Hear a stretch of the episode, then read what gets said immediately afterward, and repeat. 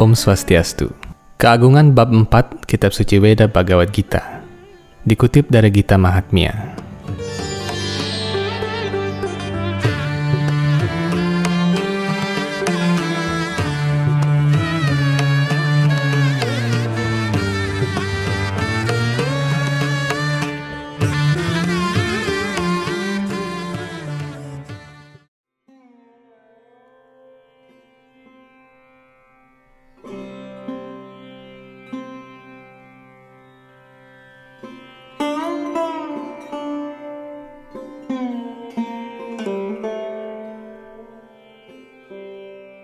Sri Wisnu berkata, Laksmi yang kucintai, sekarang aku akan menguraikan keagungan dari bab 4 Srimad Bhagavad Gita.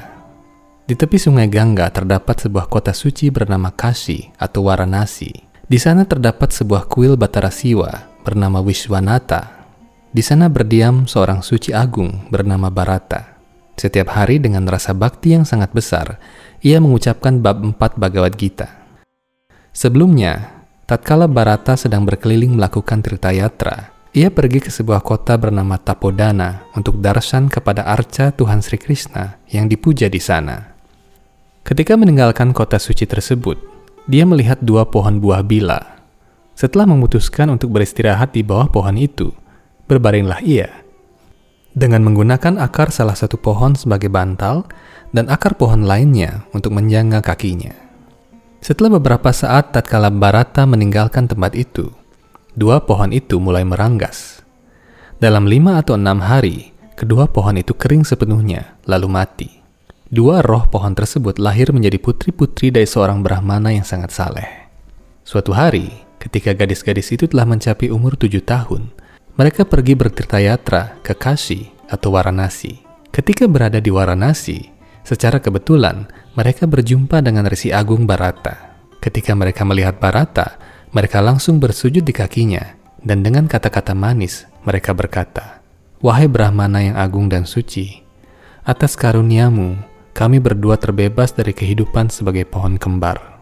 Ketika Barata mendengar pernyataan mereka, dia terheran-heran. Dia bertanya kepada mereka, Wahai putri-putri yang baik, di mana dan kapan aku pernah berjumpa dengan kalian dan membebaskan kalian dari badan pohon.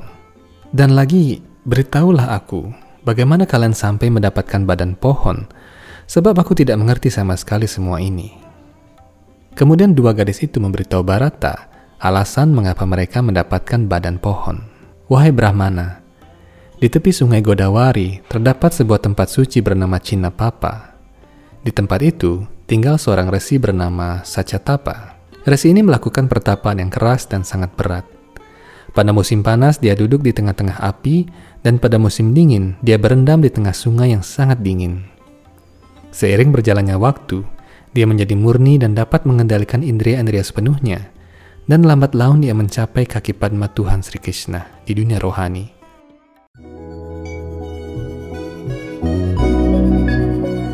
Hindu Times Channel kini memiliki fitur join member dengan mengklik join member di bawah video ini, Anda mendapatkan fitur-fitur konten yang lebih eksklusif. Anda dapat memilih salah satu di antara tiga fitur member kami, yakni Kanista, Madhyama, dan Utama, sesuai kebutuhan Anda.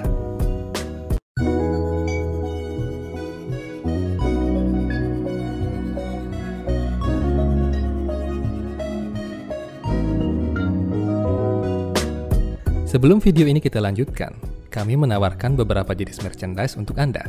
Kami menyediakan t-shirt, tote bag, dan majalah Hindu Times edisi 13 hingga 15. Untuk membeli secara online, silakan klik link pada kolom deskripsi.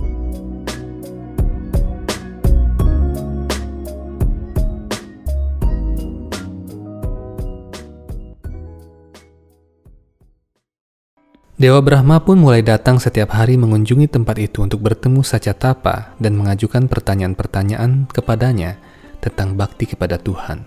Sementara itu Dewa Indra menjadi sangat cemas melihat kedudukan mulia Tapa. Dewa Indra berpikir bahwa mungkin saja pada suatu hari Tapa akan merampas kedudukannya sebagai Raja Surga. Pada saat itu Dewa Indra memanggil kami berdua, yang dalam kelahiran saat itu, kami adalah dua orang apsara di kerajaan surga.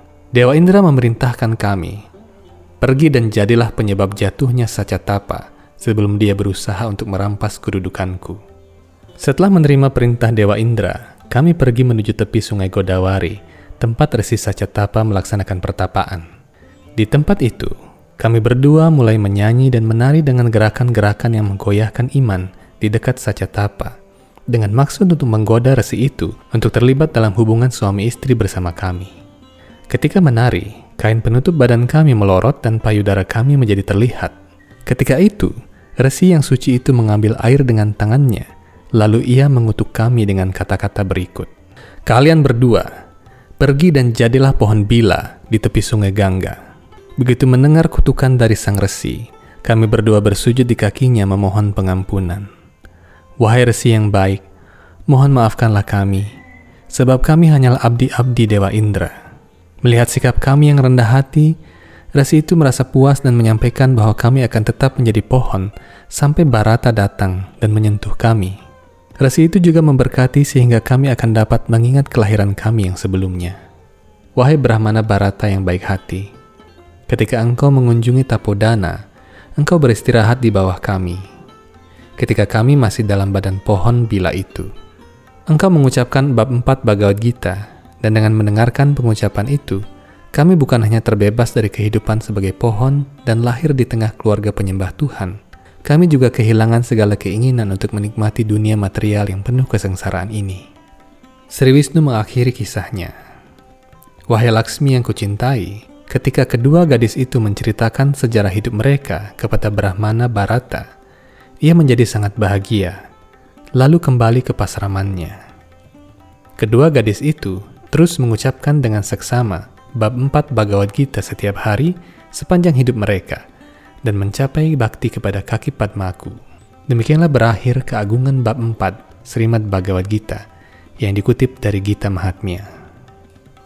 Om Santi Santi Santi Om.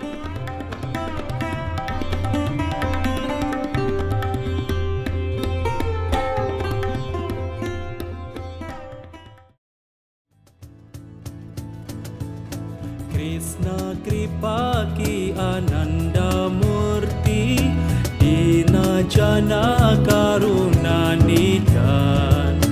Bhakti Bawa Prem Tina Prakasata Sri Guru Patita Pahavan Sruti Smirti Aur Purnana Mahi Kinos Pasta Brahma